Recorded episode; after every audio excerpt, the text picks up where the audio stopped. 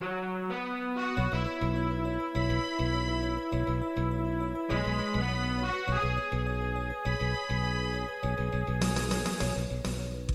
listening to Radio Free Asia.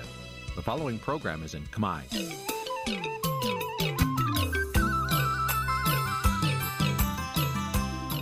នេះជាកម្មវិធីផ្សាយ Vuthu Azizi Serai នេះជាកម្មវិធីផ្សាយរបស់ Vuthu Azizi Serai ជាភាសាខ្មែរ Vuthu Azizi Serai សូមស្វាគមន៍លោកអ្នកនាងទាំងអស់ពីរដ្ឋធានី Washington នៃសហរដ្ឋអាមេរិកចាប់ពីរដ្ឋធានី Washington នាងខ្ញុំម៉ៅសុធានីសូមជម្រាបសួរលោកអ្នកស្ដាប់ទាំងអស់ជាទីមេត្រីចាយើងខ្ញុំសូមជូនការផ្សាយសម្រាប់ព្រឹកថ្ងៃពុទ្ធ8រោចខែកដឹកឆ្នាំខាលចត្វាស័កពុទ្ធសករាជ2566ហើយដល់ត្រូវនឹងថ្ងៃទី16ខែវិច្ឆិកាគ្រិស្តសករាជ2022 ជាដំបូងនេះសូមអញ្ជើញលោកអ្នកនាងកញ្ញាស្ដាប់ព័ត៌មានប្រចាំថ្ងៃដែលមានមេត្តាដូចតទៅអ្នកវិភាគសង្ស័យពីការវិតត្រឡប់របស់លោកហ៊ុនសែនយ៉ាងតក់ក្រហល់ពីកិច្ចប្រជុំនៅឥណ្ឌូនេស៊ីសង្គមស៊ីវិលទាមទារដល់រដ្ឋាភិបាលស៊ើបអង្កេតមន្ត្រីយោធាម្នាក់លួចដឹកគ្រឿងញៀនជាង200គីឡូក្រាមម ន្ត្រីសិទ្ធិមនុស្សទាមទារអាជ្ញាធរស៊ើបអង្កេតករណីអុកញ៉ាម្នាក់រំលោភយកដីព្រៃកោងកាងនៅខេត្តកោះកុង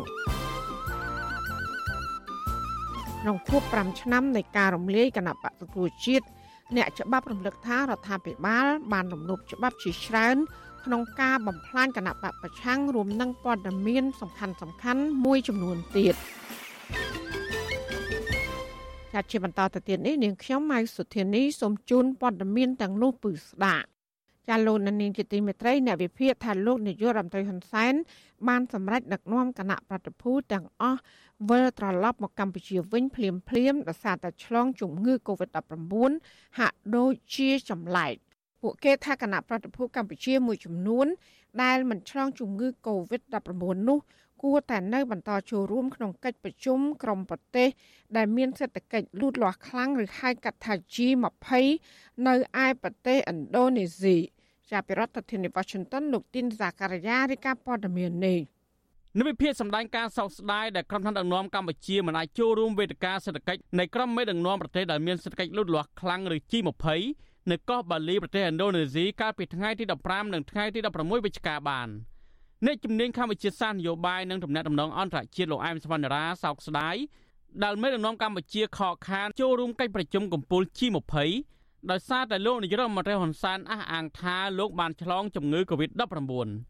លោកបញ្ជាក់ថាការចូលរួមកិច្ចប្រជុំនេះគឺជាឱកាសរបស់មេដឹកនាំកម្ពុជាដែលអាចជួបក្រុមមេដឹកនាំមកពីប្រទេសដែលមានសេដ្ឋកិច្ចរីកចម្រើនខ្លាំងដើម្បីបង្កើនទំនាក់ទំនងរវាងមេដឹកនាំទាំងនោះ អឺជាទូទៅកម្ពុជាគ្រាន់តែជាភ្ញៀវអ្នកសង្កេតការណ៍របស់យើងនិយាយមែនទែនមិនមានសេចក្តីសិទ្ធិសម្រេចអីនៅក្នុងប្រទេសឧស្សាហកម្មទាំង20នឹងទេជាលឿនទាំង20ទេក៏ប៉ុន្តែកាលណាយើងវត្តមានបានតែយើងបោះបង់សិទ្ធិដែលយើងមានវត្តមាននៅទីនោះបានថាធ្វើឲ្យបណ្ដារដ្ឋផ្សេងផ្សេងនេះគេអាចមានការទំនាក់ទំនងឬក៏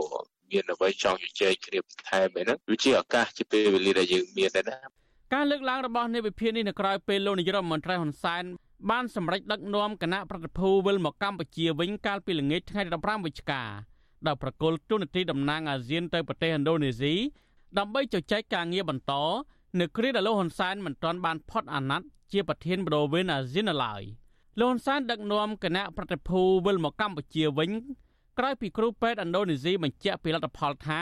លោកឆ្លងជំងឺ Covid-19 លោកហ៊ុនសែនបញ្ជាក់ថាលោកមិនបានដឹងថាមេរោគជំងឺ Covid-19 ឆ្លងចូលក្នុងខ្លួនលោកតាំងពីពេលណាមកទេដោយលោកបញ្ជាក់ថានៅមុនពេលលោកចាកចេញពីកម្ពុជា លោកបានធ្វើតេស្តរាល់ថ្ងៃ ជាពិសេសមុនពេលចេញដំណើរទៅប្រទេសឥណ្ឌូនេស៊ីបានធ្វើតេស្តរហ័សមិនឃើញមានឆ្លងជំងឺ Covid-19 នោះទេ ហើយលោកមានអាការៈធម្មតាលោកហ៊ុនសែនបានថ្លែងនៅក្នុងវីដេអូឃ្លីបមួយក្រោយពីវិលមកដល់កម្ពុជាវិញ លោកអះអាងថាលោកនឹងធ្វើការធម្មតាមិនមានបញ្ហាអ្វីធ្ងន់ធ្ងរនោះទេលោកក៏ប្រមានទុកជាមុនថាអ្នកវិភាគមិនគួរវិភាគរឿងលោកលុបចោលកិច្ចប្រជុំដែលភ្ជាប់ទៅនឹងមូលហេតុអ្វីផ្សេងក្រៅតែពីរឿងកូវីដនេះឡើយដូច្នេះពុំមានហេតុផលណាដើម្បីនឹងវិភាគឲ្យទៅឆ្ងាយពីអ្វីដែលជា COVID-19 ដែលខ្ញុំប្រកាសណាខ្ញុំគិតថានេះជាកូវីដពិតប្រាកដ ដោយសារតែភាពទន់ខ្សោយនៅក្នុងរយៈពេលប៉ុន្មានថ្ងៃចុងក្រោយរបស់ខ្ញុំប្រកាសណាខ្ញុំក្រុមមេដឹកនាំសំខាន់សំខាន់ភាគច្រើនដែលបានទៅចូលរួមកិច្ចប្រជុំ G20 នេះភាគច្រើនពួកគេបានទៅចូលរួមកិច្ចប្រជុំកំពូលអាស៊ាននិងកិច្ចប្រជុំពាក់ព័ន្ធនៅកម្ពុជា កាលពីថ្ងៃទី10ដល់ថ្ងៃទី13វិច្ឆិកាក្រុមមេដឹកនាំទាំងនេះបានចាប់ដៃលោកហ៊ុនសែនជាពិសេសនៅក្នុងកម្មវិធីបរិភោគអាហារជុំគ្នា ពួកគេពុំបានពាក្យម៉ាស់អ្វីនោះឡើយក្នុងនោះ មានមេដឹកនាំសហរដ្ឋអាមេរិកលោកโจ Biden ជាដើមខាងសេតាវិមានបានលើកឡើងថាលោកโจ Biden បានធ្វើតេស្តរួចហើយមិនបានឆ្លងជំងឺ Covid-19 នោះឡើយតែលោកបានឆ្លងជំងឺផ្ដាសាយរីឯរដ្ឋមន្ត្រីការបរទេសរុស្ស៊ីវិញក៏បានចូលពេទ្យនៅកោះបាលីប្រទេសឥណ្ឌូនេស៊ីនេះដែរទន្ទឹមនឹងលោកនាយរដ្ឋមន្ត្រីហ៊ុនសែនឆ្លងជំងឺ Covid-19 នេះប៉ុន្តែរដ្ឋមន្ត្រីការបរទេសរុស្ស៊ីបានចេញពីមន្ទីរពេទ្យវិញភ្លាមភ្លាមមិនមានបញ្ហាអ្វីទេ រីឯលោកហ៊ុនសែននិងមន្ត្រីហែហោមរបស់លោកវិញ នៅពេលត្រឡប់មកពីប្រទេសឥណ្ឌូនេស៊ីមកដល់កម្ពុជានោះមិនឃើញលោកពាក់ម៉ាស់នៅពេលចុះពីយន្តហោះនោះទេ ហើយថែមទាំងមាននាយម៉ឺនមន្ត្រីជាច្រើនទៀតទៅទទួលលោកធម្មតាហាក់មិនខ្លាចឆ្លងជំងឺ Covid-19 ពីលោកហ៊ុនសែនឡើយទោះបីជាយ៉ាងនេះក្តីក្រុមនៃវិភាគលើកឡើងថាលោកហ៊ុនសែនឆ្លងជំងឺ Covid-19 គួរតែទុកគណៈប្រតិភពផ្សេងទៀតឲ្យចូលរួមប្រជុំជំនួសលោក ដើម្បីឲ្យមានឱកាសជួបក្រុមមេដឹកនាំមួយចំនួនទៀតដែលមិនមានវត្តមាននៅក្នុងកិច្ចប្រជុំកំពូលអាស៊ាននិងកិច្ចប្រជុំពាក់ព័ន្ធនៅរាជធានីភ្នំពេញកាលពីពេលថ្មីថ្មីនេះកិច្ចប្រជុំ G20 នៅថ្ងៃទី1គឺនៅថ្ងៃទី15វិច្ឆិកាដែលឥណ្ឌូនេស៊ីដឹកនាំជាប្រធាននោះក្រុមមេដឹកនាំបានធ្វើសេចក្តីព្រៀងថ្កោលទោសរុស្ស៊ីដែលធ្វើសង្គ្រាមឈ្លានពានអ៊ុយក្រែនពួកគេថាសង្គ្រាមរុស្ស៊ីនិងអ៊ុយក្រែននេះកំពុងតែធ្វើឲ្យសេដ្ឋកិច្ចពិភពលោកអន់ថយសមាជិក G20 ក៏សម្ដែងការព្រួយបារម្ភយ៉ាងខ្លាំង ចំពោះហានិភ័យសន្តិសុខស្បៀងពិភពលោកដែលបង្កឡើងដោយភាពតានតឹងនៃសង្គ្រាមនេះតើតើនឹងលោកហ៊ុនសែនឆ្លងជំងឺ Covid-19 វិញមន្ត្រីរដ្ឋាភិបាលនៅតាមក្រសួងស្ថាប័នដែលគ្រប់គ្រងដោយគណៈបកកណ្ដាលអំណាចព្រមទាំងអង្គការក្រាក់ក្រាក់មួយចំនួនបាននាំគ្នាផ្សព្វផ្សាយប្រងព្រាតដោយពួកគេព្រួយបារម្ភចំពោះស្ថានភាពសុខភាពនិងបែបបន់ឲ្យលោកហ៊ុនសែនឆាប់ជាសះស្បើយពីជំងឺ Covid-19 បញ្ហាឆ្លងជំងឺ Covid-19 បានធ្វើឲ្យលោកហ៊ុនសែនខកខាន មិនបានចូលរួមកិច្ចប្រជុំ G20 នៅប្រទេសឥណ្ឌូនេស៊ីចាប់ពីថ្ងៃទី15ដល់ថ្ងៃទី16វិច្ឆិកានិងអាខានជួបមេដឹកនាំចិននិងបារាំងដែលក្រុងជួបនៅក្រុងបាងកកប្រទេសថៃនាវេទិកាសហប្រតិបត្តិការសេដ្ឋកិច្ចអាស៊ីប៉ាស៊ីហ្វិកឬហៅថាអាប៉ិចនៅថ្ងៃទី18វិច្ឆិកាវិទ្យុអាស៊ីសេរីបានអាចតតងអ្នកនាំពាក្យក្រសួងសុខាភិបាលលោកស្រីអវ៉ាន់ឌិនដើម្បីបញ្ជាក់ជំវិញនឹងរឿងលោកហ៊ុនសែនឆ្លងជំងឺ Covid-19 នេះបាននៅឡើយទេកាលពីថ្ងៃទី15វិច្ឆិកាមកទល់ពេលនេះ ក្រសួងសុខាភិបាលក៏មិនទាន់បង្ហាញវិធានការឬរបាយការណ៍បញ្ជាក់ថាមន្ត្រីរដ្ឋាភិបាលដែលជាប់ពាក់ព័ន្ធជាមួយលោកហ៊ុនសែនឬពួកគេឆ្លងជំងឺ Covid-19 ដែរឬយ៉ាងណានៅឡើយទេខ្ញុំទីនសាការីយ៉ាអស៊ីសេរីប្រធានីវ៉ាស៊ីនតោនចាលោកនាងកញ្ញាកំពុងស្ដាប់ការផ្សាយរបស់វិទ្យុអស៊ីសេរីផ្សាយចេញពីរដ្ឋធានី Washington លោកសំរងស៊ីប្រធានស្ដីទីគណៈបកសង្គ្រោះជាតិអះអាងថាលោកនាយករដ្ឋមន្ត្រីហ៊ុនសែន ដែលបានធ្វើជាប្រធានបដូវវេនអាស៊ាននិងដឹកនាំកិច្ចប្រជុំកម្ពុជាអាស៊ាន និងកិច្ចប្រជុំពាក់ព័ន្ធដទៃទៀតកាលពីពេលថ្មីៗនេះគឺมันបាននាំផលចំណេញអ្វីដល់ជាតិនោះឡើយលោកសំរងស៊ីបញ្ជាក់ថាលោកហ៊ុនសែនបានទទួលផលចំណេញសម្រាប់ខ្លួនលោកក្នុងការបង្ហាញមុខមាត់នៅលើឆាកអន្តរជាតិថាលោកអាចរៀបចំកិច្ចប្រជុំនេះបាននៅរាជធានីភ្នំពេញ តើមូលហេតុអ្វីបានជាលោកសំរងស៊ីហ៊ានអះអាងយ៉ាងដូច្នោះសូមលោកនាងកញ្ញារងចាំស្ដាប់បទសម្ភាសន៍របស់លោកជុនច័ន្ទបុតនិងលោកសំរងស៊ីជំវិញបញ្ហានេះនាពេលបន្តិចទៀតនេះ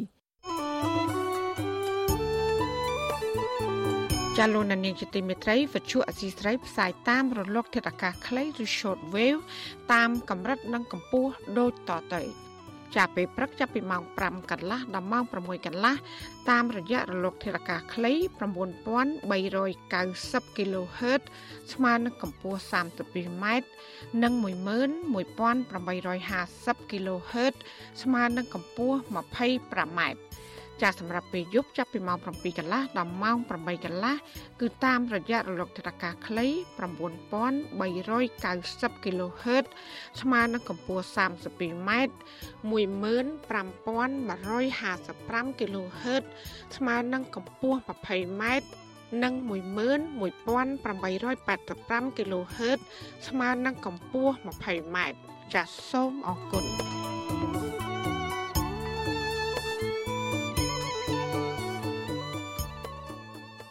ចាលោកនានីជាទីមេត្រីពាក់ព័ន្ធនឹងការរំលាយគណៈបកសង្គ្រោះជាតិវិញរហូតមកដល់ថ្ងៃទី16ខែវិច្ឆិកាឆ្នាំ2022នេះគឺមានរយៈពេល5ឆ្នាំគត់អ្នកច្បាប់ថាសេចក្តីសម្រេចរបស់តុលាការកំពូល កាលពីឆ្នាំ2017ដែលរំលាយគណៈបកសង្គ្រោះជាតិដកហូតតំណែងតំណាងរាស្ត្រ55អាសនៈរំលាយមុខតំណែងក្រុមប្រឹក្សាគុំសង្កាត់ជាង5000អាសនៈ និងហាមឃាត់មន្ត្រីជាន់ខ្ពស់នៃគណៈបកប្រឆាំងនេះមិនឲ្យធ្វើនយោបាយ5ឆ្នាំគឺបានរំលោភច្បាប់ជាច្រើនតើសាលដីការបស់តុលាការកំពូលនេះបានបំពេញច្បាប់បែបណាខ្លះចាសសេចក្តីរាយការណ៍ពីស្ដាមពីរឿងនេះលោកណានៀងក៏នឹងបានស្ដាប់នាពេលបន្តិចទៀតនេះចាសសូមអរគុណ លោកណានៀងជាទីមេត្រីគណៈកម្មាធិការជាតិរៀបចំការបោះឆ្នោតកោជបកាលពីព្រឹកថ្ងៃអង្គារទី15ខែវិច្ឆិកាម្សិលមិញបានបង្ហាញលទ្ធផលបណ្ដោះអាសន្ននៃការពិនិត្យបញ្ជីឈ្មោះ និងការចុះឈ្មោះបោះឆ្នោត។ គេហទំព័រ Facebook របស់គណៈកម្មាធិការជាតិរៀបចំការបោះឆ្នោតឲ្យដឹងថាគិតត្រឹមថ្ងៃទី13ខែវិច្ឆិកាលទ្ធផលបណ្ដោះអាសន្ននៃអ្នកដែលមានឈ្មោះក្នុងបញ្ជីឈ្មោះបោះឆ្នោត ឆ្នាំ2022គឺមានរហូតដល់ទៅជាង9លាន5សែននាក់ក្នុងនោះមានស្ត្រីចំនួនជាង5លាននាក់ឬស្មើនឹងជាង87%នៃប្រជាពលរដ្ឋដែលមានសិទ្ធិបោះឆ្នោតសរុប សម្រាប់រយៈពេល26ថ្ងៃនៃដំណើរការពិនិត្យបញ្ជីឈ្មោះ និងការចុះឈ្មោះបោះឆ្នោតកោជបបន្តថាកិត្តិកម្មថ្ងៃទី14ខែវិច្ឆិកាចំនួនភ្នាក់ងារនៃគណៈបណ្ឌនយោបាយដែលក្រុមប្រឹក្សាគុំសង្កាត់បានសម្រេចទទួលស្គាល់ជាផ្លូវការមានចំនួនសរុបជាង7000នាក់មកពីគណៈបណ្ឌនយោបាយចំនួន6 នៅទន្ទឹមនេះកោចបក៏បានចេញបានសម្គាល់ខ្លួនដល់អ្នកសារព័ត៌មានជាតិសរុបចំនួន41នាក់ស្ត្រី4នាក់មកពី6អង្គភាពកោចបក៏បានសម្រេចទទួលស្គាល់ជាផ្លូវការអ្នកសង្កេតការជាតិដែលមកពីសមាគមនិងអង្គការមិនមែនរដ្ឋាភិបាល ចំនួនជាង3000នាក់ក្នុងនោះគឺមានចំនួនស្ត្រី1054នាក់ ចំណែកឯដំណើរការពិនិត្យបញ្ជីឈ្មោះនិងចុះឈ្មោះបោះឆ្នោតឆ្នាំ2022រយៈពេល26ថ្ងៃមកនេះនៅតាមឃុំសង្កាត់ទូទាំងប្រទេសគឺបានប្រព្រឹត្តទៅដោយរលូនក្នុងបរិយាកាសស្ងប់ស្ងាត់គ្មានអំពើហិង្សានិងគ្មានការគំរាមកំហែងណាមួយនោះឡើយ។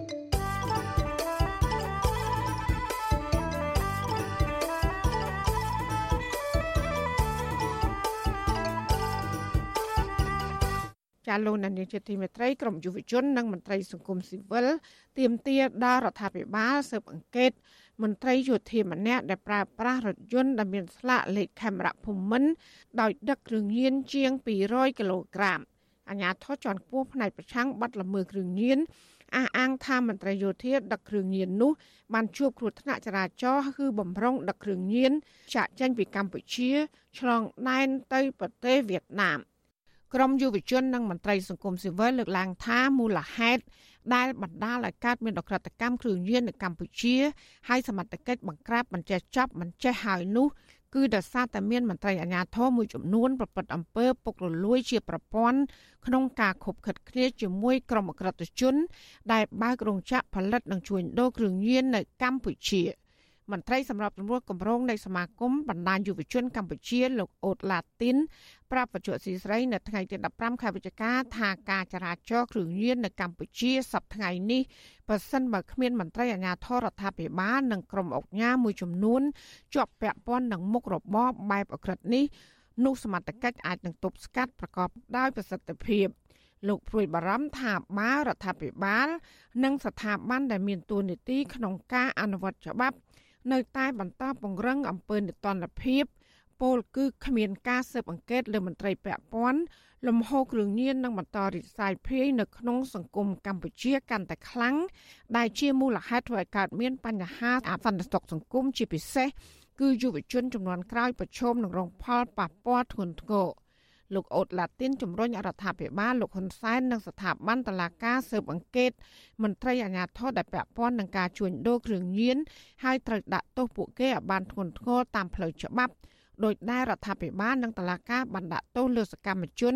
ដែលឈឺឆ្អាលនឹងបញ្ហាសង្គមនោះដែរ។ ពេលដែលបញ្ហាគ្រឿងញៀនវាជាប់ពាក់ព័ន្ធនឹងមន្ត្រីមួយចំនួននៅក្នុងជួររាជរដ្ឋាភិបាលហើយសពជាមន្ត្រីដែលមានទុននីតិធំធ្វើឲ្យបញ្ហាគ្រឿងញៀននេះគឺយើងពិបាកនៅក្នុងការទប់ស្កាត់មែនទែនហើយបញ្ហានេះវាអាចជាប់ពាក់ព័ន្ធជាមួយនឹងការប្រព្រឹត្តអំពើពុករលួយគប់គិតគ្នាជាប្រព័ន្ធអាចមានការតំណែងតំណងជាមួយនឹងជនបរទេសដែលមករស់នៅក្នុងប្រទេសកម្ពុជានឹងទៅទៀតបើសិនជាយើងចង់ដោះស្រាយបញ្ហាគ្រឿងញៀននេះយើងត្រូវលុបបំបាត់អំពើពុករលួយហើយមួយទៀតគឺត្រូវធ្វើការអនុវត្តច្បាប់ចំពោះមន្ត្រីណាដែលមានជាប់ពាក់ព័ន្ធជាមួយនឹងគ្រឿងញៀននេះគឺទៅដាក់ទោសឲ្យធ្ងន់ធ្ងរតែម្ដងប្រតិកម្មរបស់យុវជនបែបនេះកើតមានឡើងបន្ទាប់ពីសមត្ថកិច្ចរាជធានីភ្នំពេញកាលពីថ្ងៃទី13ខែវិច្ឆិកាបានរឹបអូសរថយន្តមួយគ្រឿងបំពាក់ស្លាកលេខខេមរៈភូមិន្ទ021415ស្ថិតនៅក្នុងហេតុការណ៍គ្រោះថ្នាក់ចរាចរណ៍នៅក្នុងសង្កាត់វាស្បូវខណ្ឌច្បារអំពៅរាជធានីភ្នំពេញ។ ក្រោយមកទៀតសមត្ថកិច្ចក៏បានបន្តឆែកឆេរនៅក្នុងរថយន្តដែលបំពាក់ស្លាកលេខខេមរៈភូមិន្ទនេះហើយបានត្រឹមអូសគ្រឿងញៀនប្រមាណជាង200គីឡូក្រាមអគ្គស្នងការរងនគរបាលជាតិទទួលបន្ទុកប្រឆាំងបាត់ល្មើសគ្រឿងញៀនលោកម៉ាក់ជីតូប្រាប់បច្ចុប្បន្នស៊ីស្រីថាគ្រឿងញៀនដែលសមត្ថកិច្ចរពោបាននោះគឺជាប្រភេទមេតាំហ្វេតាមីនដែលអ ுக ្រិតជនអាចនឹងបំរុងដឹកចាកចេញពីកម្ពុជាឆ្លងដែនទៅប្រទេសវៀតណាម លោកអាអាងថាសមត្ថកិច្ចកំពុងបន្តការស៊ើបអង្កេតដោយសារតែបន្ទាប់ពីកើតមានហេតុការណ៍គ្រោះថ្នាក់ចរាចរណ៍នោះម្ចាស់រថយន្តស្លាកលេខខេមរៈភូមិន្ទក៏បានរត់គេចខ្លួនភ្លាមភ្លាមអាចចេញភ្នំពេញទៅតែមើលប៉ុន្តែប្រភពដើមចេញពីឡាវពីណាយើងមិនដឹងច្បាស់ណាពុំតែធ្វើការស៊ើបអង្កេតយើងមិនព្រោះថាគ្រឿងញៀនមេតាំវីតាមីននេះយើងវាអត់មានទេមិនឆ្លងពីឡាវបានណាតកតងនៅរឿងនេះដែរអ្នកនាំពាក្យស្នងការដ្ឋាននគរបាលរាជធានីភ្នំពេញ លោកសានសុកសីហាបញ្ជាក់ថាមកដល់ពេលនេះសមត្ថកិច្ចនៅមិនទាន់អាចកំណត់អត្តសញ្ញាណម្ចាស់រថយន្តដែលមានផ្ទុកគ្រឿងញៀនបាននៅឡើយទេលោកអាអាងថាសមត្ថកិច្ចក៏បានត្រួតពិនិត្យស្លាកលេខរថយន្តដឹកជញ្ជូនគ្រឿងញៀននៅក្នុងប្រព័ន្ធគ្រប់គ្រងរបស់ក្រសួងមហាផ្ទៃដែរក៏ប៉ុន្តែ លោកថាពុំមានការបញ្ជាក់ថាអ្នកដែលដឹកគ្រឿងញៀននោះគឺជាមន្ត្រីយោធាឬក៏កងទ័ពនោះឡើយ។ ទាន់កំណត់បានអត្តសញ្ញាណថាបុគ្គលនឹងជានរណាដែរព្រោះតែបន្ទាប់ពីយើង check មើលទៅគឺផ្លាកលេខហ្នឹងគឺអត់មាននៅក្នុង system ផខាងពាក់ព័ន្ធមួយខាងក្រសួងការពារជាតិនោះទេគឺអត់មានទេអញ្ចឹងមានផ្លាកលេខហ្នឹងគឺជាផ្លាកលេខខ្លាំងខ្លាយឥឡូវនេះសមាជិកយើងគឺកំពុងធ្វើការស្រាវជ្រាវបន្ថែមថាតើបុគ្គលដែលបើកឡានជានរណាអញ្ចឹងឥឡូវយើងកំពុងជំនាញកំពុងសហការដើម្បីធ្វើការស្រាវជ្រាវករណីនោះបាទទោះយ៉ាងណាអ្នកខ្លាំមើលយកឃើញថាករណីរថយន្តពាក់ស្លាកលេខខម៉ូដឹកគ្រឿងញៀននេះគឺជារបស់មន្ត្រីយោធាជាន់ខ្ពស់ណាម្នាក់ ឬក៏មានការខົບខិតគ្នាជាមួយមន្ត្រីជាន់ខ្ពស់ពីព្រោះថាមនុស្សសាមញ្ញមិនអាចមានលទ្ធភាពប្រើប្រាស់រថយន្តពាក់ស្លាកលេខពិសេសនេះដើម្បីប្រព្រឹត្តអំពើខុសច្បាប់បានឡើយកន្លងមកក៏មានករណីមន្ត្រីអនុវត្តច្បាប់មួយចំនួនពាក់ព័ន្ធនឹងការជួញដូរគ្រឿងញៀននេះដែរលើពីនេះករណីរថយន្តពាក់ស្លាកលេខខម៉ូសម្រាប់យោធានេះត្រូវបានគេប្រើប្រាស់ជាមធ្យោបាយខុសច្បាប់ មិនមែនជារឿងថ្មីឡើយដូចជាការលួចដឹកឈើនិងកិច្ចបង់ពន្ធចូលរដ្ឋជាដើមកម្ពុជានារយៈពេលចុងក្រោយនេះហាក់កំពុងរងការញោមញីយ៉ាងខ្លាំងពីលំហូរគ្រឿងញៀនដ៏ច្រើនសន្ធឹកសន្ធាប់តាមរយៈក្រុមក្រិតជនជនជាតិចិនដែលបានបើករោងចក្រផលិតគ្រឿងញៀននិងដឹកគ្រឿងញៀនឆ្លងដែនចូលកម្ពុជា អាញាធរបានបង្ក្រាបទ្រង់ទ្រាយធំជាបន្តបន្ទាប់ដោយរឹបអូសគ្រឿងញៀនម្ដងម្ដងរាប់រយតោនហើយថែមទាំងរកឃើញទីតាំងក្រុមអក្រិតជន បើករោងសិប្បកម្មគ្រឿងញៀនថែមទៀតផងមិនតែប៉ុណ្ណោះក្នុងប្រតិបត្តិការបង្ក្រាបខ្លះក្រុមអក្រិតជនក៏បានដកកំភ្លើងបាញ់តដៃជាមួយសមត្ថកិច្ចនោះដែរ ប្រធានមជ្ឈមណ្ឌលប្រជាប្រដ្ឋដើម្បីអភិវឌ្ឍនិងសន្តិភាពលោកយងកំឯងព្រួយបារម្ភអំពីកំណើនគ្រឿងញៀននៅកម្ពុជាខណៈដែលរថយន្តដឹកជញ្ជូនគ្រឿងញៀនបំពាក់ស្លាកលេខខេមរៈភូមិន្ទលោកលើកឡើងថាបាអាញាធននៅតែបន្តប្រព្រឹត្តអំពើពុករលួយជាប្រព័ន្ធដោយគ្មានស្ថាប័នណាស៊ើបអង្កេតដើម្បីយកពួកគេឲ្យមកទទួលទោសតាមច្បាប់នោះលំហូរគ្រឿងញៀននៅកម្ពុជានឹងមិនអាចថមថយបានឡើយ។ មានព្រឹត្តិការណ៍គ្រោះថ្នាក់កលាប់ឡានឃើញគ្រឿងញៀនអីចឹងហើយគឺត្រូវតែស្វែងរកចាប់ជនជនល្មើសជួយដូរគ្រឿងញៀននោះឲ្យបានបើយកប្រន្ទាទោសមិនអាចនឹងបទុបថយឬពជាពេលក្នុងការនំខ្លួនក្នុងការចាប់ខ្លួនជនល្មើសយកមកកាត់ទោសបានទេបាទនេះជារឿងមួយសំខាន់ព្រោះថាវាបកលមហន្តរាយវាបកលវិនិស្សកម្មយ៉ាងធ្ងន់ធ្ងរទៅដល់សង្គមជាតិយើងបាទ កន្លងមកបរដ្ឋនិងសង្គមស៊ីវិលសង្កេតឃើញថា ការអនុវត្តច្បាប់បង្ក្រាបបទល្មើសគ្រឿងញៀនមានភាពធូររលុងនិងមានអំពើពុករលួយដែលភាគច្រើនអាជ្ញាធរបង្ក្រាបបានតែអ្នកជួញដូរនិងប្រើប្រាស់តូចតាចប៉ុណ្ណោះប៉ុន្តែកម្របង្ក្រាបបានមេខ្លោងធំធំជាក់ស្ដែងម្ចាស់មជ្ឈមណ្ឌលកំសាន្តរក់និងត្រូវជាបងប្រុសបង្កើតរបស់អុកញ៉ាគិតមេង គឺអុកញ៉ាគិតធៀងដែលជាមេខ្លោងចែកចាយគ្រឿងញៀននៅក្នុងក្លឹបកំសាន្តរបស់ខ្លួននោះអាញាធមមិនហ៊ានបង្ក្រាបភ្លាមភ្លាមទេលុះត្រាតែមានការរិះគន់យ៉ាងខ្លាំងពីអ្នកប្រាស្រ័យបណ្ដាញសង្គមហើយមានបទបញ្ជាពីលោកនាយករដ្ឋមន្ត្រីហ៊ុនសែនទៅភៀនចូលទៅចាប់លោកកឹកធៀងលើពីនេះទោះបីជាលោកកឹកធៀងត្រូវបានចាប់ខ្លួនក្តីក៏លោកជាប់ពន្ធនាគារតែកន្លះខែប៉ុណ្ណោះបន្ទាប់មកលោកបានជួលបន្ទប់ពិសេស VIP នៅមន្ទីរពេទ្យមិត្តភាពខ្មែរសូវៀតឬហៅថាមន្ទីរពេទ្យរុស្ស៊ីសម្រាប់រស់នៅជំនួសពន្ធនាគារហើយទីបំផុតតឡាការអូតូភ្នំពេញក៏បានជួយសម្រាលទោសដោះលែងលោកពីពន្ធនាគារស្ងាត់ស្ងាត់ថែមទៀតផង ករណីក្មួយប្រុសរបស់លោកហ៊ុនសែនគឺអុកញ៉ាហ៊ុនតូក៏ធ្លាប់ទទួលរងការចាប់ប្រកាន់ថាជាប់ពាក់ព័ន្ធនឹងការជួញដូរគ្រឿងញៀនទាំងនៅក្នុងប្រទេសនិងរហូតឆ្លងប្រទេសដែរដូចជាទៅប្រទេសអូស្ត្រាលីជាដើម កាលពីថ្ងៃទី26ខែមិថុនាអាជ្ញាធរប្រយុទ្ធប្រឆាំងគ្រឿងញៀនបានដុតបំផ្លាញសារធាតុញៀននិងសារធាតុគីមីសរុបជាង6តោនក្នុងចំណោមវត្ថុតាងគ្រឿងញៀនសារធាតុគីមីផ្សំនិងសារធាតុគីមីពាក់ព័ន្ធផ្សេងផ្សេងដែលរឹបអូសបានមានទម្ងន់សរុបជិត100តោន អាជ្ញាធរឲ្យដឹងដែរថាក្នុងឆ្នាំ2020និងឆ្នាំ2021ដែលមានការរីករាលដាលនៃជំងឺ Covid-19 សមត្ថកិច្ចបង្ក្រាបនិងរឹបអូសគ្រឿងញៀនបានជិត10តោននិងឃាត់ខ្លួនជនសង្ស័យបានជាង30000នាក់ក្នុងនោះសមត្ថកិច្ចបង្ក្រាបបទល្មើសគ្រឿងញៀនបានចំនួនជាង10000ករណីក្នុងឆ្នាំ2020និងជាង6000ករណីផ្សេងទៀតនៅក្នុងឆ្នាំ2021 លោកនាងជាទីមេត្រីវັດឈុអសីស្រីសូមជូនដំណឹងថាយើងគ្មានអ្នកយកព័ត៌មានប្រចាំទៅប្រទេសកម្ពុជានោះឡើយបើសិនជាមានជនណាម្នាក់អះអាងថាជាអ្នកយកព័ត៌មានឲ្យវិទ្យុអសីស្រីនៅកម្ពុជានោះគឺជាការក្លែងបន្លំយកឈ្មោះរបស់វិទ្យុអសីស្រីក្នុងគោលបំណងទុច្ចរិតរបស់បុគ្គលនោះចាសសូមអរគុណ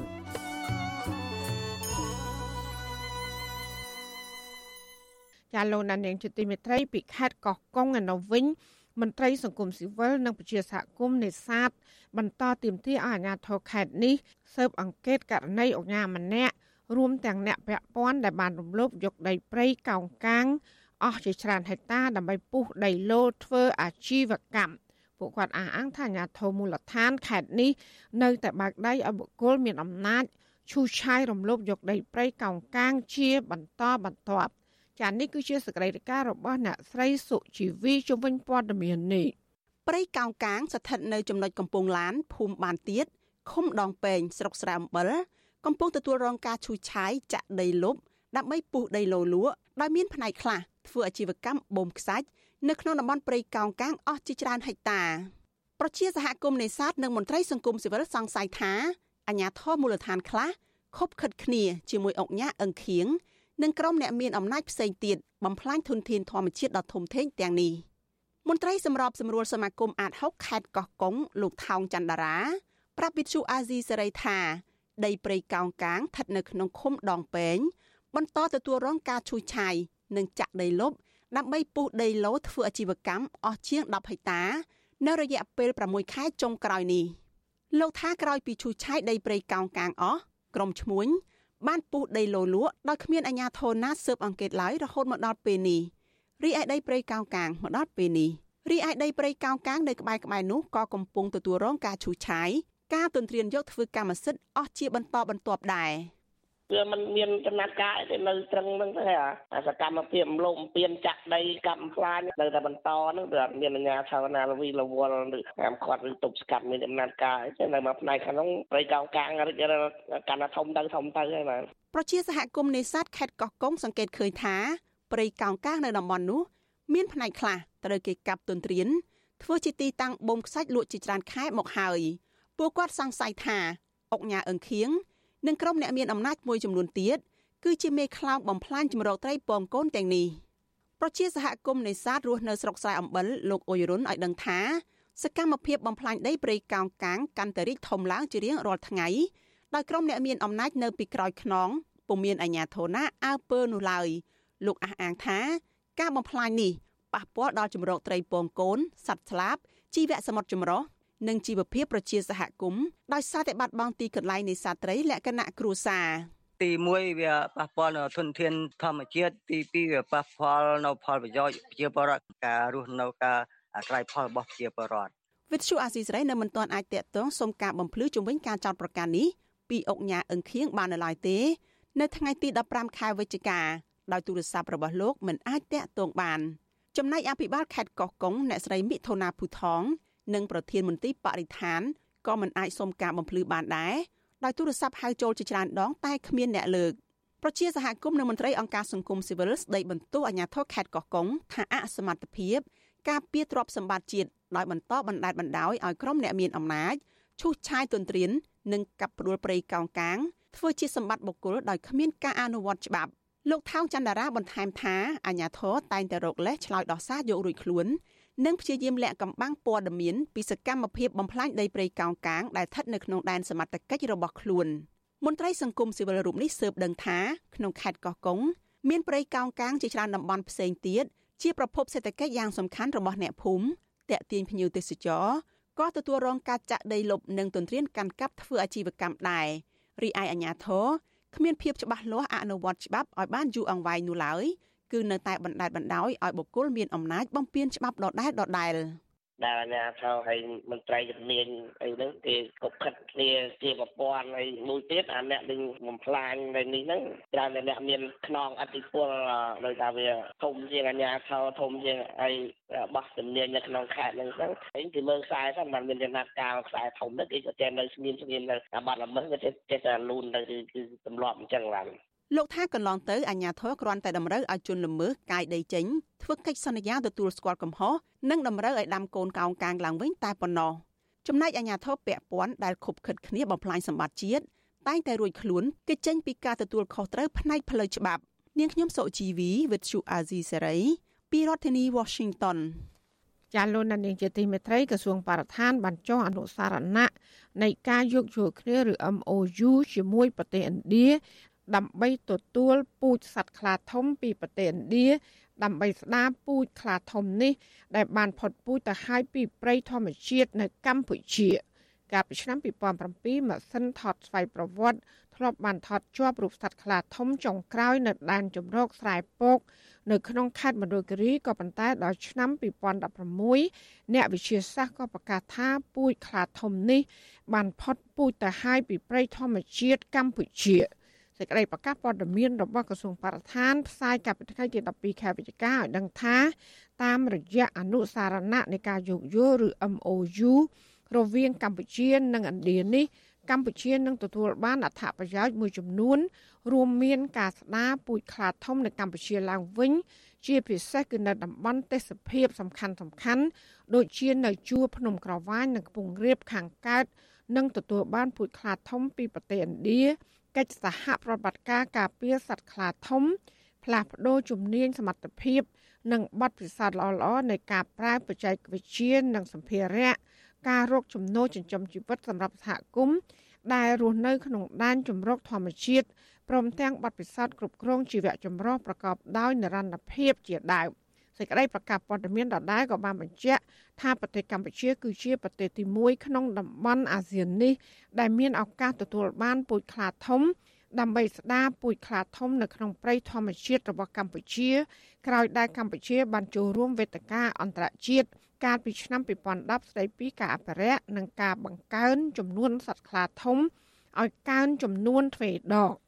ក្រៅតែពីស្នើសុំសัตว์ខ្លាធំជំនួយបច្ចេកទេសនិងសម្ភារៈពីប្រទេសឥណ្ឌាក្រុមការងារបច្ចេកទេសស្ដារសัตว์ខ្លាធំ ដែលមានក្រសួងបរិស្ថាននិងអង្គការដៃគូក៏បានរៀបចំផែនការសកម្មភាព មួយចំនួនទៀតរួមមាន ការរៀបចំគោលនយោបាយហាមឃាត់អន្ទាក់ឬក៏ឧបករណ៍ចាប់សត្វព្រៃនៅតំបន់ការពារទប់ស្កាត់ការបរបាញ់ការពារទីជម្រកបង្កាត់ពូជសត្វព្រៃដែលជាចំណីរបស់សត្វខ្លាធំ និងជំរុញអនុវត្តគម្រោង Red Book ជាដើមតាមរយៈការសិក្សាស្រាវជ្រាវដែលផ្សាយដោយក្រសួងបរិស្ថាន បង្ហាញថាកម្ពុជាមានសត្វខ្លាចំនួន8ប្រភេទរួមមានខ្លាធំឬហៅថាខ្លាដំបង ខ្លារខិន ខ្លាពពក ខ្លាត្រី ខ្លាលឿងមាសខ្លាភ្ញីថ្មកែវឆ្មាព្រៃនិងឆ្មាដាវក្នុងចំណោមខ្លាទាំង8ប្រភេទនេះមានខ្លាខ្លះបានបាត់ពុះទៅហើយនិងខ្លាទៀត កំពុងមានវត្តមាននៅតាមតំបន់ការពារធម្មជាតិ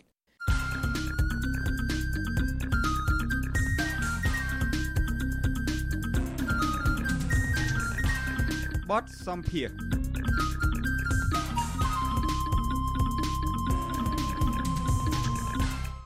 ចាលោកនាងកញ្ញាជាទីមេត្រីលោកសំរងស៊ីប្រធានស្ដីទីគណៈបកសង្គ្រោះជាតិអះអាងថាលោកនាយករដ្ឋមន្ត្រីហ៊ុនសែនបានធ្វើជាប្រធានបដូវវេនអាស៊ាន និងដឹកនាំកិច្ចប្រជុំកម្ពុជាអាស៊ាន និងកិច្ចប្រជុំពាក់ព័ន្ធផ្សេងទៀតកាលពីពេលថ្មីថ្មីនេះគឺมันបាននាំផលចំណេញអ្វីដល់ជាតិនោះឡើយលោកសំរងស៊ីបញ្ជាក់ថាលោកហ៊ុនសែនបានទទួលផលចំណេញសម្រាប់ខ្លួនលោក ក្នុងការបង្ហាញមុខមាត់នៅលើឆាកអន្តរជាតិថាលោកអាចរៀបចំកិច្ចប្រជុំនេះបាននៅរាជធានីភ្នំពេញ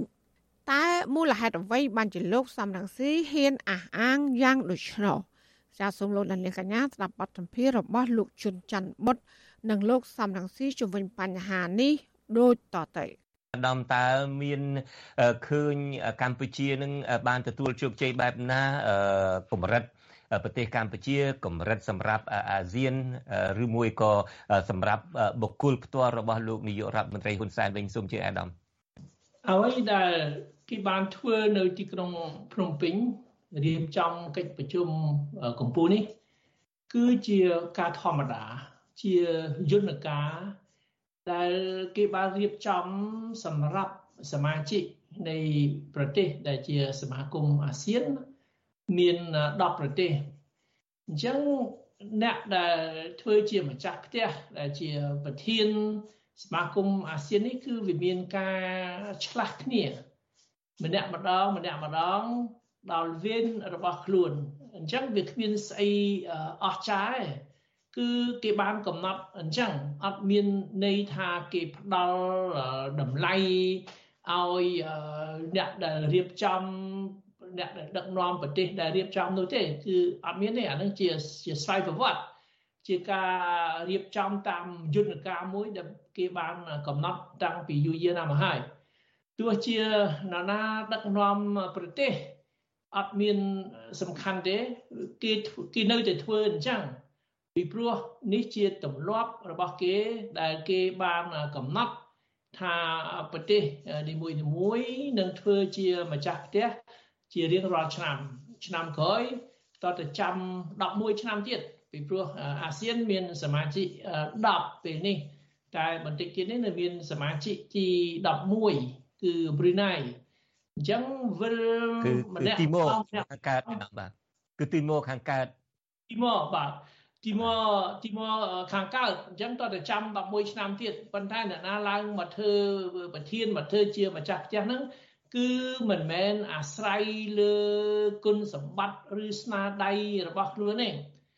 ហើយចំពោះប្រទេសកម្ពុជា គឺដោយសារថាលោកហ៊ុនសែនគាត់យកឈ្មោះប្រទេសកម្ពុជាយកទៅប្រើតែយើងដឹងហើយគឺលោកហ៊ុនសែនគាត់បានប្លន់អំណាចពីប្រជារាស្ត្រអាដាមអាដាមខ្ញុំបាទសូមកាត់ប្រសាសន៍បន្តិចការពិតនឹងអឺ លោកនាយករដ្ឋមន្ត្រីហ៊ុនសែននឹងក៏បានត្រៀមខ្លួនហើយមានពមៀនទុករួចមកហើយថាអ្នកណាដែលមើលឃើញថាការរៀបចំប្រជុំឬមួយក្នុងតំណែងជាប្រធានបដូវវេនរបស់លោកក្នុងរយៈពេល1ឆ្នាំនេះមិនឃើញមានជោគជ័យអីបែបណាឬរិះគន់បែបណានឹងលោករហូតដល់តែពមៀនថាមិនមែនជាមនុស្សនឹងផងដូច្នេះមុននឹងអាដាមអញ្ជើញមានប្រសាសន៍បន្តទៀតខ្ញុំបាទសូមអញ្ជើញអាដាមស្ដាប់ប្រសាសន៍របស់លោកហ៊ុនសែនដែលមានប្រសាសន៍ត្រង់ចំណុចនេះបន្តិចសិន បាទបញ្ហាតេតុនជាមួយនឹងរឿងក្រមប្រឆាំងខ្ញុំមិនដឹងថាគេនិយាយពីអីផងហើយក៏ខ្ញុំមិនដឹងថាឆ្លើយពីអីទៀតព្រោះដែលហៅថាប្រឆាំងហើយតើកាលណាយើងធ្វើសគេត្រូវតែថាខ្មៅឲ្យតែគេថាខ្មៅឲ្យតែយើងធ្វើខ្មៅគេថាសវារឿងតែប៉ុណ្ណឹងដូចគ្នាខ្ញុំអត់ចាំបាច់ធ្វើការឆ្លើយទេគេទទួលយកបានបានអំពីកិត្តិយសជាតិបែបនេះ គឺសូមឲ្យគេដាក់ខ្លួនទៅជាអ្នកប្រភេទដតីមិនមែនជាតិខ្មែរទៅចោះអាដាមអាដាមមានការឆ្លើយតបបែបណាដែរគេថាបើសិនជាគណៈបកប្រឆាំងជាទូទៅបើសិនជាសថាខ្មៅបើខ្មៅថាសហើយបើសិនជាមិនទទួលយកនៅអ្វីដែលលោកនាយករដ្ឋមន្ត្រីហ៊ុនសែនថានេះជាកិត្តិយសជាតិទេមិនបាច់ធ្វើជាខ្មែរតទៅទៀតទេ អើយអ្នកណានិយាយនិយាយទៅខ្ញុំមិនចាំបាច់ឆ្លើយទេយើងបន្តពីការធ្វើវិភាគរបស់យើងថាទោះជាណាដឹកនាំប្រទេសក៏ពេលដល់វេនប្រទេសនោះធ្វើជាម្ចាស់ផ្ទះនៅតែធ្វើជាម្ចាស់ផ្ទះដដែលមិនមែនអាស្រ័យលើគុណសម្បត្តិមិនមែនអាស្រ័យលើស្នាដៃទេ អានេះជាទួនាទីដែលគេបកគលឲ្យតាមទម្លាប់របស់គេដូចយើងនិយាយអំបញ្ញមិញឥឡូវនេះតតែ11ឆ្នាំម្ដងបានប្រទេសជាសមាជិកនឹងរៀបចំធ្វើជាម្ចាស់ផ្ទះពីព្រោះសមាគមអាស៊ាននឹងមានសមាជិករហូតទៅដល់11ប្រទេសហើយប្រទេសចុងក្រោយគឺប្រទេសទីម៉ូខាងកើតសំណួរដែលយើងត្រូវសួរណាសួរថាតើលោកហ៊ុនសែនរដ្ឋអំណាចគាត់ មានសិទ្ធិមានលក្ខណៈស្របច្បាប់ទេតើតំណាងឲ្យប្រជាពលរដ្ឋពិតប្រកបទេតំណាងឲ្យប្រទេសកម្ពុជាពិតប្រកបទេបើយើងមើលការបោះឆ្នោតតាំងពីឆ្នាំ1900 98មកក្រោយពីលោករលហ៊ុនសែនធ្វើរដ្ឋប្រហារគាត់បានរៀបចំកោជបដាក់សិទ្ធិគ្នាគាត់ដូច្នេះបោះឆ្នោតម្ដងម្ដងគឺជាការបោះឆ្នោត ដែលលំអៀងដែលជួយឲ្យលោកហ៊ុនសែនឈ្នះឆ្នោតគណៈបកឈ្នះឆ្នោតទោះជាប្រជាប្រដ្ឋមិនគ្រប់គ្រងក៏លោកហ៊ុនសែននៅតែឈ្នះអញ្ចឹងអញ្ចឹងអ្វីដែលយើងត្រូវកត់សម្គាល់ថាលោកហ៊ុនសែនគាត់របបគាត់នេះមិនមែនជាតំណាងប្រទេសកម្ពុជាទេពីព្រោះมันអាចមានការបោះឆ្នោតត្រឹមត្រូវផង នៅប្រទេសកម្ពុជាគាត់បានប្លន់អំណាចពីរាជពីរាជខ្មែរ តាមរយៈការបោះឆ្នោតคล้ายคล้ายដូច្នេះវាគ្មានមានកិត្តិយសអ្វីទេដែលប្លន់អំណាចពីប្រជារាជហើយមកដើរតួនាទីដែលគេត្រូវប្រគល់ឲ្យប្រទេសដែលត្រូវដល់ទួនាទីរបស់ខ្លួនធ្វើជាម្ចាស់ផ្ទះនឹងជាការកត់សម្គាល់ទី1តែបើយើងចូលសាច់រឿង ខ្ញុំជឿថាលោកហ៊ុនសែនធ្វើឲ្យប្រទេសកម្ពុជា ខ្មាស់គេវិញទេ ពីព្រោះមានមេដឹកនាំល្ងងខ្លៅអវិជ្ជាចរិតច្រងេងច្រងាងនិយាយប្រេះផ្ដាស់ដួចផ្ដើមគំនិតទៅទឹងទឹះដោយគាត់បានទៅចាប់ដៃជាមួយថ្នាក់ដឹកនាំប្រជាការនៅភូមិកាលពីដើមឆ្នាំ2022នេះ គឺសមាជិកភាគច្រើននៃសមាគមអាស៊ានគេបានជំរុញឲ្យមេដឹកនាំប្រទេសភូមិដែលធ្វើរដ្ឋប្រហារសម្រាប់លទ្ធិប្រជាធិបតេយ្យឲ្យមេដឹកនាំភូមិនឹងកែខ្លួនឲ្យដោះលែងអ្នកទោសនយោបាយឲ្យជជែកជាមួយគណៈបកប្រឆាំងឲ្យរៀបចំការបោះឆ្នោតត្រឹមត្រូវដូច្នេះគេចេញជាសេចក្តីសម្រេចរបស់គេយ៉ាងច្បាស់លាស់ តែលោកហ៊ុនសែនអត់ធ្វើតាមទេគាត់ធ្វើទៅទឹងទឹះគាត់ធ្វើតែម្នាក់គាត់ហើយគេស្ដីបន្ទោសគាត់ច្រើនណាគាត់ទៅប្រទេសភូមាទៅចាប់ដៃជនផ្ដាច់ការភូមាមីងអ៊ុនឡាំងហើយទៅទទួលស្គាល់ដោយចង់ផ្ដល់សិទ្ធិស្របច្បាប់ឲ្យជនប្រជាការដែលឲ្យមានសិទ្ធិស្របច្បាប់សោះអញ្ចឹងមានន័យថាជនប្រជាការដូចគ្នាម្នាក់នៅកម្ពុជាម្នាក់នៅភូមា ទៅចាប់ដៃគ្នាខុសពីអ្វីដែលអាស៊ានភាគច្រើនក្នុងសមាជិកអាស៊ានហើយសហគមន៍អន្តរជាតិទាំងមូលគេចង់កាត់កាលគេចង់គេគេចង់កាត់កាលរបបប្រជាការនៅប្រទេសភូមាគេថ្កោលទោសរបបហ្នឹងតែហ៊ុនសែននៅសុកសុកស្រាប់តែតែម្នាក់ឯងហ្នឹងគាត់ទៅជួបមេបដិការជនបដិការនៅភូមិហ្នឹងនិយាយថាទៅតឹងទឹះហ្នឹងនិយាយថាខុសឆ្គងហើយគេស្ដីបន្ទោសឲ្យហ៊ុនសែនច្រើនណា ថាមិនយល់ពីសភាពការមិនសម្ដែងពីសាមគ្គីភាពជាមួយប្រទេសជាសមាជិកអាស៊ានដទៃទៀតហើយពីសហគមន៍អន្តរជាតិសហភាពអឺរ៉ុបសហសហរដ្ឋអាមេរិកហ្នឹងគឺគេគេអន់ចឹងណាពីព្រោះលោកហ៊ុនសែនធ្វើនេះគាត់យកឈ្មោះគាត់ទីមួយគាត់លួចឈ្មោះប្រទេសកម្ពុជាគាត់លួចឈ្មោះប្រជារាស្ត្រគាត់ថាគាត់តំណាងឲ្យប្រជារាស្ត្រខ្មែរប្រទេសកម្ពុជាហើយទីពីរគាត់លួចឈ្មោះអាស៊ានណា ដែលគាត់ធ្វើជាប្រធានបណ្ដោះអាសន្នឆ្លាស់វែងគ្នាគាត់យកឈ្មោះអាស៊ានហ្នឹងទៅទៅចាប់ដៃជាមួយជនប្រជាការនៅនៅប្រទេសភូមាដែលគេភាកច្រើនគេចង់កាត់ការគាត់ទៅរាប់អានតែតែម្នាក់គាត់ពីព្រោះជាជនប្រជាការដូចគ្នា គេទៅចាប់ដៃគ្នាជួយជនប្រជាការគេជួយគ្នាទៅវិញទៅមកហ្នឹងដែលខ្ញុំយល់ឃើញថាជាទង្វើខុសឆ្គងទៅទឹងទឹះ ដែលធ្វើឲ្យយើងជាខ្មែរខ្មាស់គេដោយសារតែលោកហ៊ុនសែននេះបាទបាទអរគុណលោកសំរងស៊ីដែលបានបកស្រាយចំណុចនេះហើយសូមជម្រាបលាអាដាមសំរងស៊ី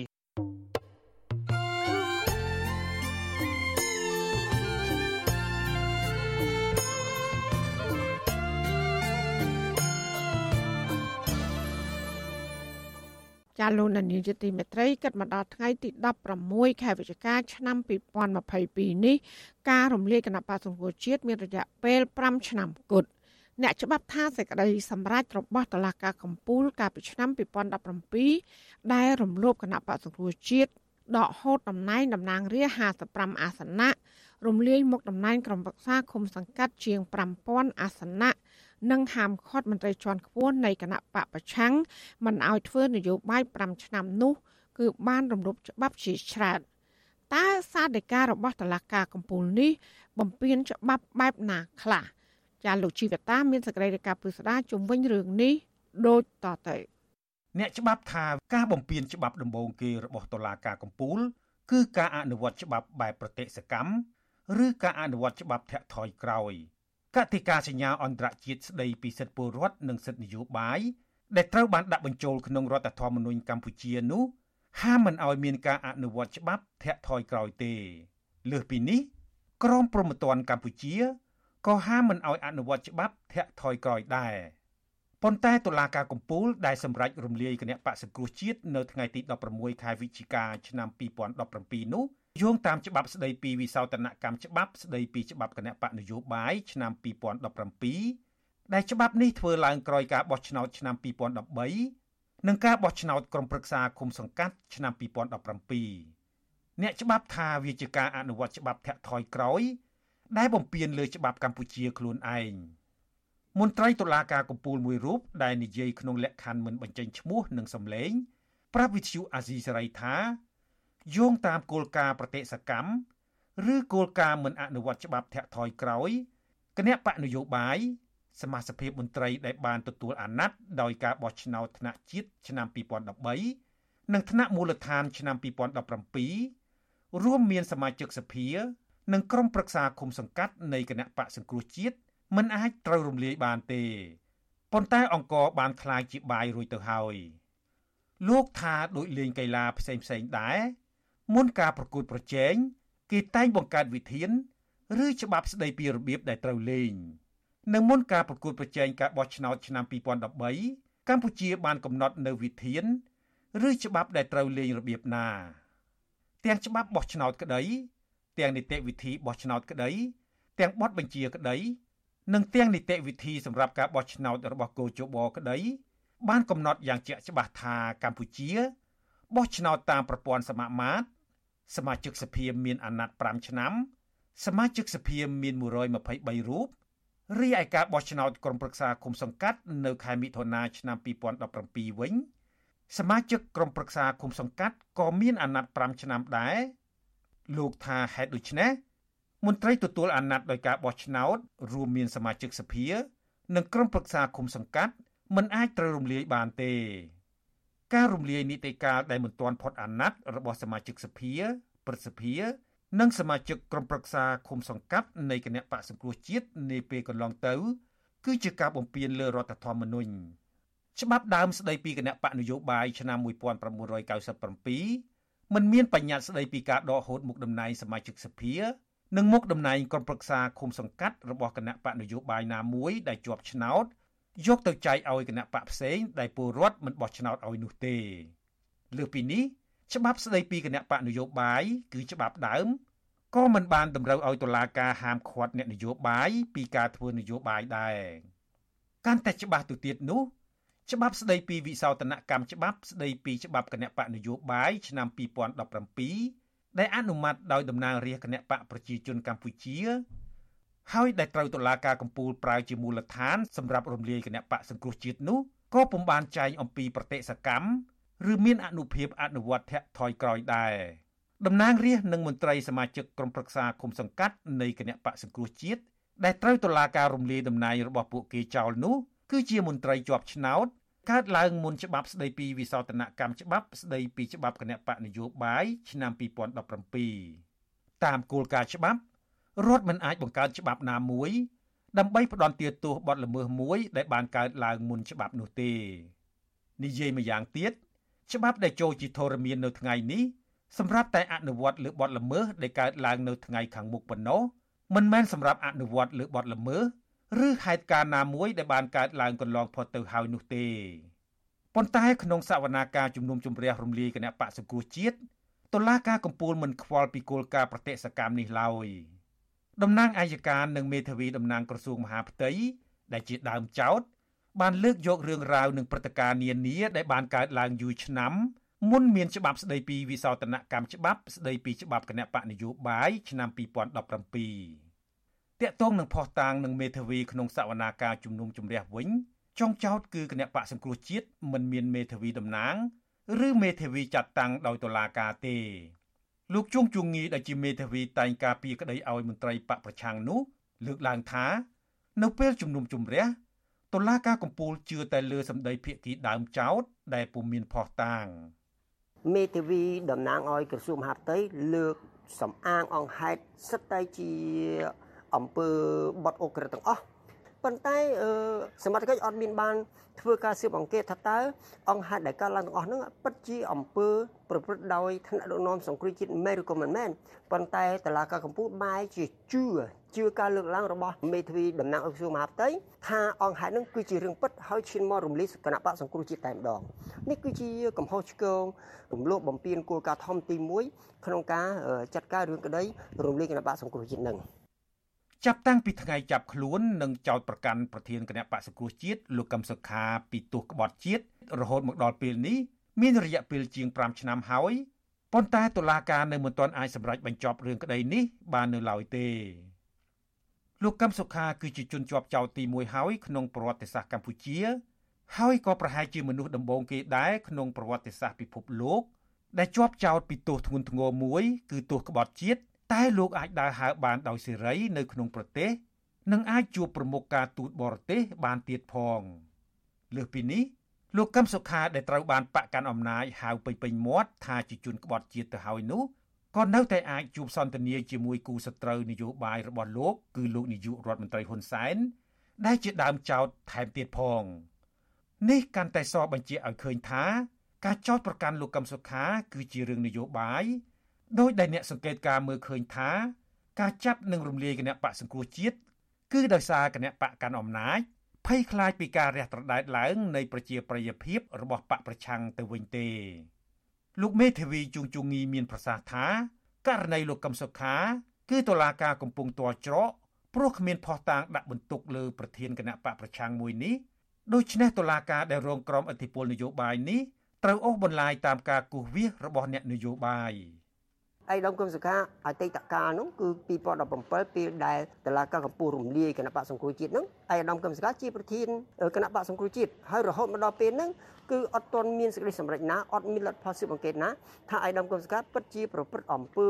អុក្រិតទាំងឡាយដូចដែលមេធាវីដំណើរឲ្យក្រសួងមហាផ្ទៃលើកឡើងនៅតឡាការកំពង់នោះទេអញ្ចឹងអានេះគឺជាការរំលោភបំពានគោលការណ៍ច្បាប់ទី2 ដែលជាប់ប្រកាន់យកតែម្ដងអត់មានការស៊ើបអង្កេតអត់មានផតតាំងជាក់ស្ដែងគឺស្រាប់តែ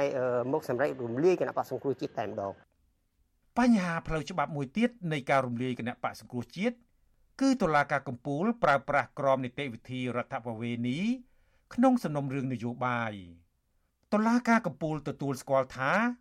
សំណុំរឿងរំលាយគណៈបកសង្គ្រោះជាតិជាសំណុំរឿងនយោបាយ ការទទួលស្គាល់នេះបានបញ្ជាក់នៅក្នុងសារដីការរំលាយគណៈបកសង្គ្រោះជាតិទំព័រទី1របស់តុលាការកំពូលតែម្ដង អ្នកច្បាប់ថាបើវាជាសំណុំរឿងនយោបាយតុលាការត្រូវមានក្រមនីតិវិធីស្ដីពីសំណុំរឿងគណៈបកនយោបាយឬត្រូវបង្កើតបទបញ្ជាផ្ទៃក្នុងសម្រាប់ជំនុំជម្រះរឿងក្តីនយោបាយមុនបើកការជំនុំជម្រះមិនគួរប្រើក្រមនីតិវិធីរដ្ឋបវេនី ហើយកំណត់យកស្តង់ដារក្រមនីតិវិធីនេះជាមូលដ្ឋាន មកប្រើក្នុងការជំនុំជម្រះក្នុងសំណុំរឿងរំលាយគណៈបកសង្គ្រោះជាតិនោះទេលោកជួងជងីបកស្រាយថាការដែលតុលាការកំពូលយកក្រមនីតិវិធីរដ្ឋបវេនីមកប្រើដើម្បីរំលាយគណៈបកសង្គ្រោះជាតិកាលពី5ឆ្នាំមុននោះគឺជាទង្វើផ្ទុយពីច្បាប់តឡាការកម្ពុជាប្រកាន់យកអរិយាប័ត្រថាអ្វីដែលមេធាវីតំណាងឲ្យក្រសួងមហាផ្ទៃលើកគឺជាការពិតទាំងអស់ដោយយកសំអាង ដែលមានចែងក្នុងក្រមនីតិវិធីរដ្ឋបាលនេះដែលថាកូនបំណុលឬក៏ចុងចម្លើយឬក៏ចុងចោតมันបានឆ្លើយតបมันបានឆ្លើយដោះសារទេគឺតឡាការទទួលស្គាល់ថាអ្វីដែលដើមចោតលើកគឺជាការប៉ັດគឺអានឹងគឺអត់ត្រឹមត្រូវពីព្រោះថាអង្គហេតុដែលក្រសួងមហាផ្ទៃ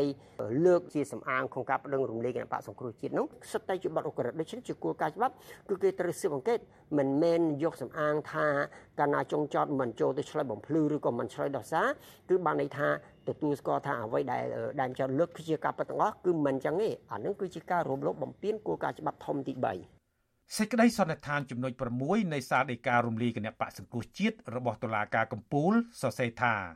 តុលាការយល់ឃើញថាដោយគណៈបកសង្គ្រោះជាតិនៅស្ងៀមស្ងាត់មិនបង្ហាញឆន្ទៈក្នុងការតតាំង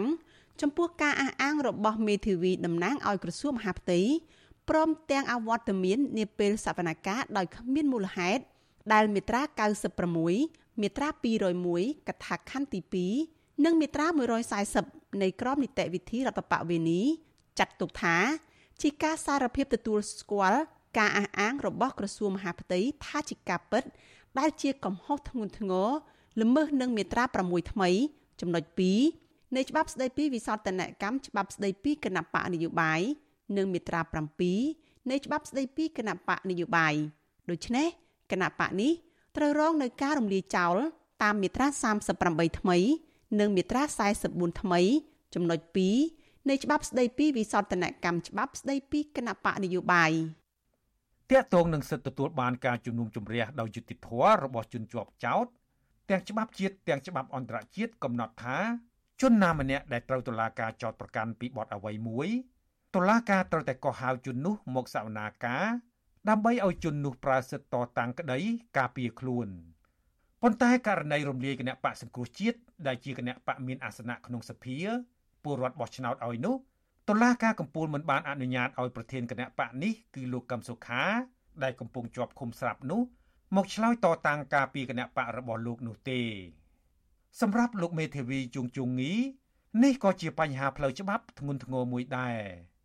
ចាប់គាត់ដាក់ឃុំនៅទីវាំងប្លង់អត់បានដាក់គាត់មកចូលរួមសន្និការប៉ុន្តែបែរជាអះអាងថាឯកឧត្តមកម្មសកាបបង់ចោលគឺប្រធានឬក៏ថ្នាក់ដឹកនាំគណៈបកសង្គ្រោះជាតិអត់ចូលមកឆ្លើយដោះសារការពីខ្លួនអានឹងគឺកំហុសមួយតុលាការកំពូលមិនត្រឹមតែមិនបាននាំខ្លួនលោកកឹមសុខាឲ្យមកចូលរួមក្នុងសវនាការប៉ុណ្ណោះទេប៉ុន្តែថែមទាំងមិនបានកោះហៅថ្នាក់ដឹកនាំគណៈបកសង្គ្រោះជាតិទាំង118រូបផ្សេងទៀត ដែលតុលាការផ្ដន្ទាទោសដោយហាមមិនឲ្យធ្វើនយោបាយរយៈពេល5ឆ្នាំនោះឲ្យចូលមកបំភ្លឺដើម្បីការពារសិទ្ធិរបស់ពួកគេទៀតផងលោកមេធាវីជួងជុងងីសង្កត់ធ្ងន់ថា តាមគោលការណ៍ច្បាប់មិនថាឡើយមនុស្សម្នាក់ឬច្រើនអ្នកនោះទេ នៅពេលពួកគេរងការចោទប្រកាន់ពីរឿងអ្វីមួយតុលាការត្រូវតែកោះហៅបុគ្គលទាំងនោះឲ្យមកតតាំងក្តីក្នុងសវនាការដើម្បីការពារសិទ្ធិស្របច្បាប់របស់ពួកគេ ត្រូវតែកោះហៅចុងចម្លើយទោះបីមានម្នាក់ក្តី2នាក់ក្តី10នាក់100នាក់1000នាក់ក្តីកាលណានរណាត្រូវបានគេប្តឹងតឡាការត្រូវតែកោះហៅអ្នកដែលគេប្តឹងហ្នឹងដើម្បីចូលមកតឡាការឲ្យគេមានសិទ្ធិ តវ៉ាការពីសិទ្ធិរបស់គេទៅតាមផ្លូវច្បាប់ប៉ុន្តែតឡាការអត់បានកោះហៅ118រូបមកតឡាការទេកាត់ក្បាំងមុខយកលេសថាចុងចោតអត់បានចូលមកឆ្លើយការពីខ្លួនថាអ្វីដែលមេធាវីតំណាងឲ្យក្រសួងហាប់ទេលើកគឺជាការប៉ັດទាំងអស់តែម្ដងអានេះគឺជាការរំលោភគោលការណ៍ច្បាប់ទី4ធ្ងន់ធ្ងរបំផុតផ្ដល់ភាពអយុត្តិធម៌ដល់ថ្នាក់ដឹកនាំគណៈបកសង្គ្រោះជាតិបំផុតដោយយោងតាមច្បាប់ស្ដីពីវិសោធនកម្មច្បាប់ស្ដីពីច្បាប់គណៈបកនយោបាយ សារដីការរំលាយគណៈបកសង្គ្រោះជាតិរបស់តុលាការកំពូល គឺជាសេចក្តីសម្រេចបិទផ្លូវតវ៉ាការបិទផ្លូវតវ៉ានេះ អ្នកច្បាប់ថាជាការរំលោភរដ្ឋធម្មនុញ្ញរដ្ឋធម្មនុញ្ញកំណត់ឲ្យកម្ពុជា មានតុលាការ3ជាន់ថ្នាក់គឺសាលាដំបងសាលាឧទ្ធរនិងតុលាការកំពូល ដើម្បីឲ្យអ្នកមិនសុខចិត្តចំពោះការសម្រេចរបស់តុលាការជាន់ទាបអាចប្តឹងឧទ្ធរបានប៉ុន្តែអ្នកច្បាប់និងអ្នកសង្កេតការមើលឃើញថា ក្នុងផែនការគិតទុកជាមុនក្នុងការរំលាយគណៈបកសង្គ្រោះជាតិតំណាងរាជគណៈបកប្រជាជនកម្ពុជា នៅដើមឆ្នាំ2017បានកែច្បាប់ស្ដីពីគណៈបកនយោបាយម្ដងហើយម្ដងទៀតតម្រូវឲ្យតុលាការកំពូលតែមួយគត់ជាអ្នកកាត់ក្តីរំលាយគណៈបកនយោបាយហើយបិទផ្លូវតវ៉ាទៀតផងលោកមេធាវីជួងជងងីថាការបិទផ្លូវតវ៉ាឬមិនអោយប្តឹងឧទ្ធរណ៍នេះ គឺជាការបំពានលើគោលការណ៍ទទួលបានយុត្តិធម៌ក្នុងការជំនុំជម្រះក្តីដែលធានាដោយរដ្ឋធម្មនុញ្ញកម្ពុជាមិនផ្ដល់ឱកាសឲ្យថ្នាក់ដឹកនាំគណៈបកសង្គ្រោះជាតិមិនផ្ដល់ឱកាសឲ្យ118រូបដែលត្រូវបានហាមខុសនយោបាយនឹង តវ៉ាពីសេចក្តីសម្រេចនឹងទេ គឺសេចក្តីជាសេចក្តីសម្រេចមួយដែលបំពេញបំពេញខ្លួនគោមែនទែនបំពេញទៅលើថ្នាក់ដឹកនាំគណៈបកសង្គ្រោះជាតិទាំង118រូបមានរូបខ្ញុំជួងជងីមួយដែរនៅក្នុងនឹងគឺសេចក្តីសម្រេចគឺអត់ចឹងទេត្រូវផ្ដល់ឱកាសឲ្យគេតវ៉ានៅក្នុងរឿងព្រមត្តនទូបីសាលដីកាតឡាការកម្ពុជាស្ថាពរក៏ច្បាប់អនុញ្ញាតឲ្យគេប្រឹងសាររឿងបានដែរ ដូចគ្នាដែរនៅក្នុងរឿងក្តីរដ្ឋបវេនីទូបីរឿងក្តីនឹងចូលជាស្ថាពរសាលដីកាតឡាការកម្ពុជាចូលជាស្ថាពរក៏ដោយក៏ផ្លេចច្បាប់អនុញ្ញាតឲ្យភាគីដែលមិនសុខចិត្តនឹងប្រសិទ្ធប្តឹងឲ្យទាមទារឲ្យជំនុំជម្រះសាលឡើងវិញដែរប៉ុន្តែសេចក្តីសម្រេចរបស់តុលាការកំពូលបំពេញគឺបំពេញមែនទែន បិទផ្លូវតវ៉ាតែម្ដងមិនឲ្យអ្នកណាមួយតវ៉ាបានទេប្រសិនបើអ្នកណាមួយតវ៉ាកំពូលគេថាប្រឆាំងនឹងសេចក្តីសម្រេចរបស់តុលាការនឹងមានវិធានការដាក់ទោសតទៅទៀតនេះគឺជាសេចក្តីសម្រេចដែលផ្ដល់ភាពឈឺចាប់បំផុតសម្រាប់ថ្នាក់ដឹកនាំគណៈបកសង្គ្រោះជាតិបាទថ្ងៃទី16វិច្ឆិកាឆ្នាំ2022គឺជាខួប5ឆ្នាំនៃការរំលាយគណៈបកសង្គ្រោះជាតិហើយក៏ជាថ្ងៃដែលអតីតមន្ត្រីជាន់ខ្ពស់ទាំង118រូបនៃគណៈបកប្រឆាំងមួយនេះរួចផុតពីបំរាមធ្វើនយោបាយដែរ អ្នកច្បាប់ជាតិនិងអន្តរជាតិដែលតាមដានសំណុំរឿងរំលាយគណៈបកសង្គ្រោះជាតិព្រមទាំងប្រទេសប្រជាធិបតេយ្យមានសហរដ្ឋអាមេរិកនិងសភាអឺរ៉ុបជាដើមយល់ឃើញថាទាំងគណៈបកសង្គ្រោះជាតិទាំងមេដឹកនាំគណៈបកនេះមិនបានប្រព្រឹត្តអំពើឧក្រិដ្ឋឬអំពើក្បត់ជាតិដោយការចោទប្រកាន់នោះទេលើសពីនេះអ្នករាយការណ៍ពិសេសស្ដីពីសិទ្ធិមនុស្សនៃអង្គការសហប្រជាជាតិប្រចាំកម្ពុជាបច្ចុប្បន្ននិងអតីតកាលមើលឃើញថា ច្បាប់ស្ដីពីវិសោធនកម្មច្បាប់ស្ដីពីគណៈបកនយោបាយនិងច្បាប់មួយចំនួនទៀតដែលរដ្ឋសភាកម្ពុជាមានតែតំណាងរាស្ត្របកកាន់អំណាចអនុម័តកន្លងមក មានលក្ខណៈគៀបសង្កត់រដ្ឋបិទលើសិទ្ធិពលរដ្ឋនិងសិទ្ធិនយោបាយការិយាល័យអ្នករាយការណ៍ពិសេសរបស់អង្គការសហប្រជាជាតិនេះក៏បានស្នើដល់រដ្ឋាភិបាលកម្ពុជាឲ្យកែលម្អច្បាប់ទាំងនោះតាំងតែពីច្បាប់នោះនៅជាសេចក្តីព្រៀងនៅឡើយដើម្បីឲ្យសមស្របតាមរដ្ឋធម្មនុញ្ញកម្ពុជា ប៉ុន្តែសំណើកែលម្អនោះមិនត្រូវបានទទួលយកឡើយខ្ញុំជីវិតាអាស៊ីសេរី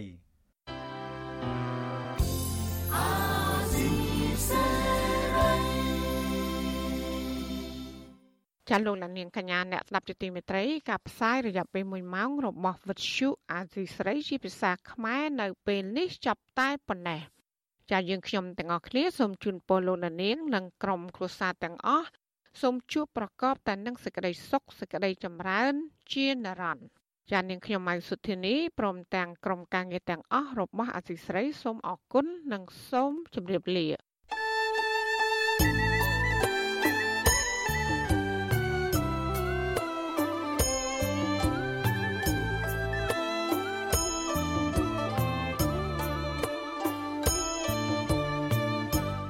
ទ្យុអាស៊ីសេរីផ្សាយតាមរលក ធារកាសខ្លីឬ shortwave តាមកម្រិតនិងកម្ពស់ដូចតទៅនេះ